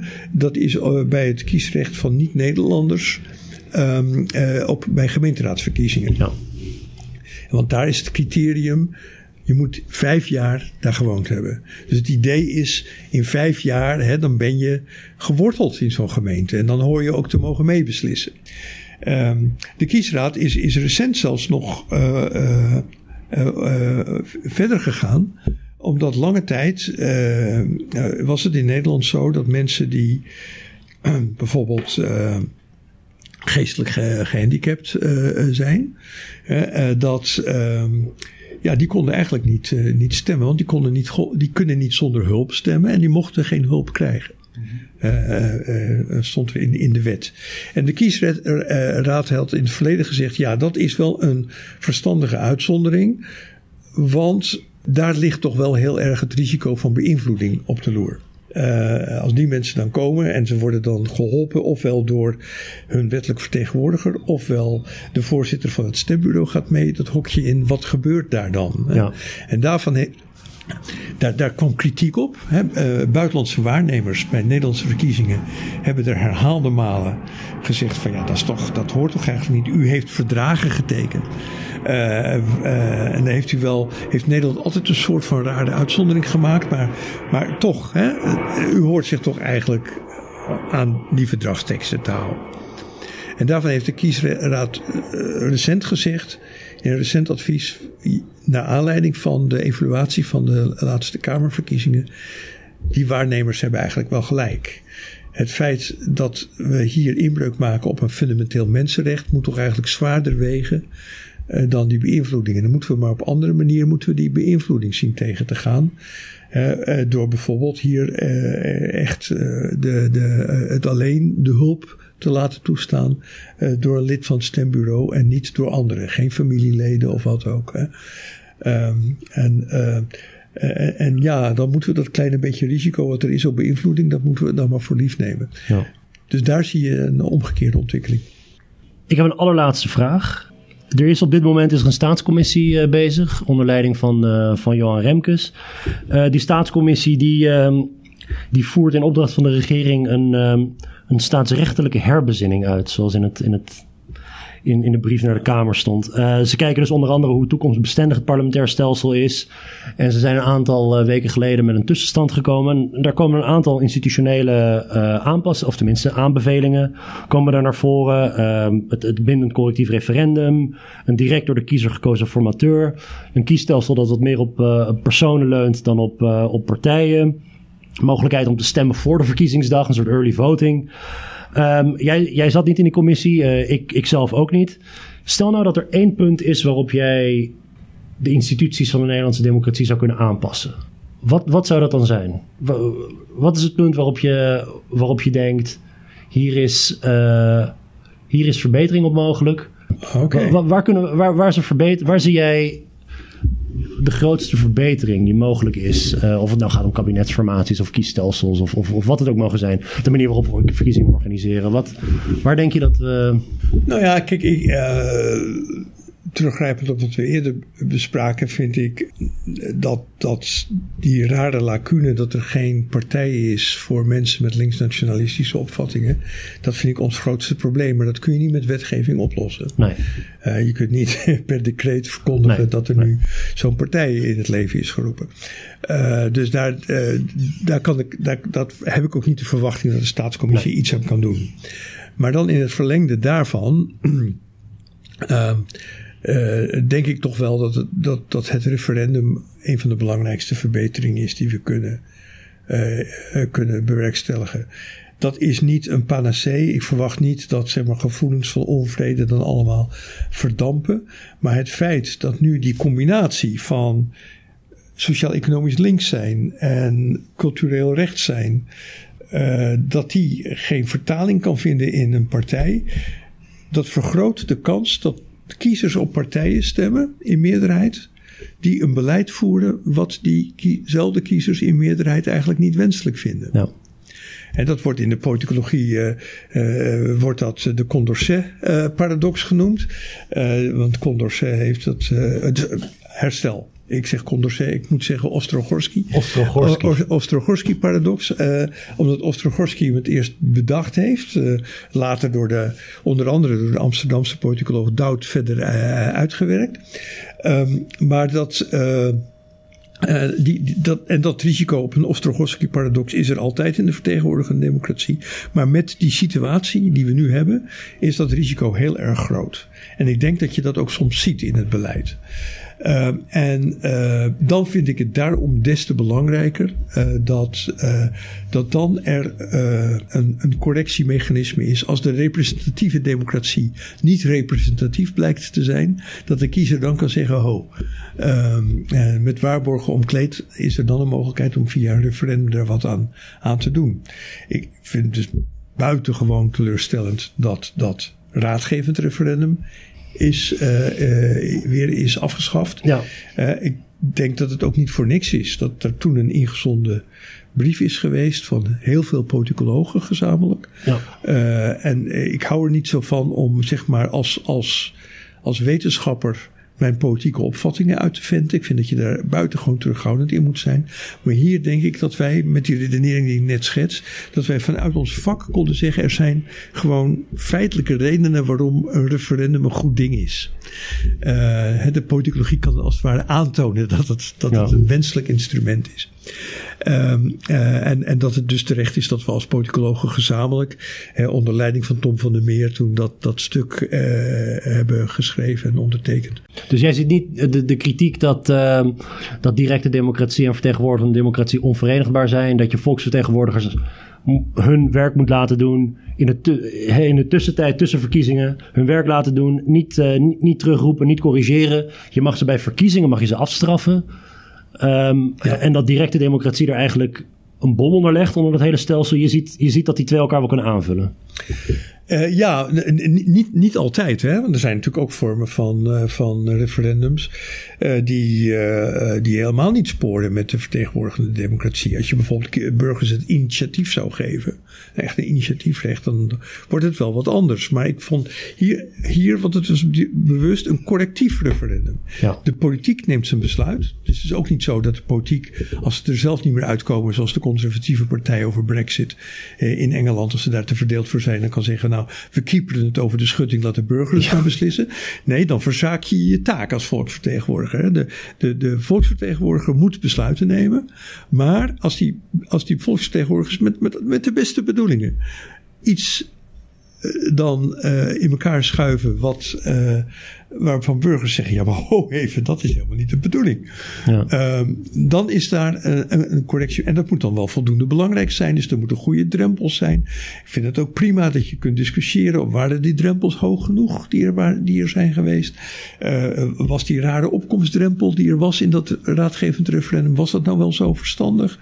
Um, ja. uh, en daar kunnen we heel goed over discussiëren. Maar het, het instrument op zichzelf vond ik een belangrijk en goed instrument. En laten we wel zijn, uh, het allergrootste deel van de, van de wetgeving zal nog gewoon via de conventionele vertegenwoordigende kanalen tot stand komen. Je hebt, ja, je hebt, ook, je hebt ook gezien met. Uh, ja, we hebben, we hebben twee referenda gehad via, die, via de referendumwet. Eén over het Oekraïne-verdrag, de andere over die, die sleepwet. De derde poging over de uh, donorwet is, is gestrand. Ja, en, en, en de poging over uh, de, de wet Hille, over zeg maar het, de, de, belasting op het hebben van een afbetaalde eigen woning. dat is ook mislukt. Dat is ook mislukt. Dus het is, het is ook niet zo alsof, het nou, alsof je nou iedere week naar de stembus wordt geroepen voor een referendum. Het was echt een, een stok achter de deur. er, staan, er staan op de kieswet eindeloos veel persberichten over uh, uh, wetten die referendabel zijn verklaard. En waar vervolgens geen referendum over is gehouden. Ofwel omdat geen enkele burger iets heeft, enig verzoek heeft ingediend. Ofwel omdat er te weinig waren. Ja. Dus er zijn maar een paar uitzonderingen. Wat zo jammer is, ik, is dat allereerste referendum over dat verdrag met de Oekraïne. Dat is natuurlijk, dat, dat is zo, zo doodzonde geweest dat dat het eerste referendum is geweest. Want de mensen die zich hebben ingespannen om dat referendum voor elkaar te krijgen, die hebben eh, ook openlijk gezegd dat het hen helemaal niet ging om het verdrag met de Oekraïne. Zij wilden iets wat ook maar met vaaglijk met Europa te maken had aangrijpen om hun ongenoegen over Europese integratie uh, uh, te uiten. Als die dus sleepwet, dat, dat sleepwet, sleepwet die sleepwetcampagne was, was... De sleepwet was een veel duidelijker en, en mooier geval eigenlijk. Ja. Dat, dat was, daar heeft ook een goede discussie over plaatsgevonden. Het was ook een zuivere discussie. Ja. Uh, hè, dat ging toch over van nemen we uh, accepteren we wat minder privacy uh, in ruil voor hopelijk wat meer uh, veiligheid? Of maken we die afweging anders? Een hele, er is een goed debat over gevoerd. Er is een, een redelijke opkomst geweest. Een, een, een, uitslag die ja, dicht bij elkaar lag, maar toch een, meerderheid gaf. Dat, als dat nou het eerste referendum was geweest, dan denk ik niet dat we nu hadden gezeten met een afschaffing. Hmm, ja. Ik, uh, ik zou nog heel lang uh, met je door kunnen praten, maar dit is volgens mij een mooi moment om, een, uh, om er een punt achter te zetten. heel erg bedankt voor je tijd en ja, de, je bijdrage aan het gesprek. Ik vond het, ik vond het ontzettend boeiend. u bedankt voor het luisteren. Ik zal zoals altijd een aantal links op, op Stuk Rood Vlees plaatsen naar de studies waar we het over hebben gehad, zodat, zodat u die zelf desgewenst kunt nalezen. Uh, aangezien dit de eerste is van een nieuwe reeks podcast, zou het uh, leuk zijn als u het uh, verspreidt en deelt en liked. En allemaal van, van dat soort zaken. bedankt voor het luisteren en tot de volgende keer.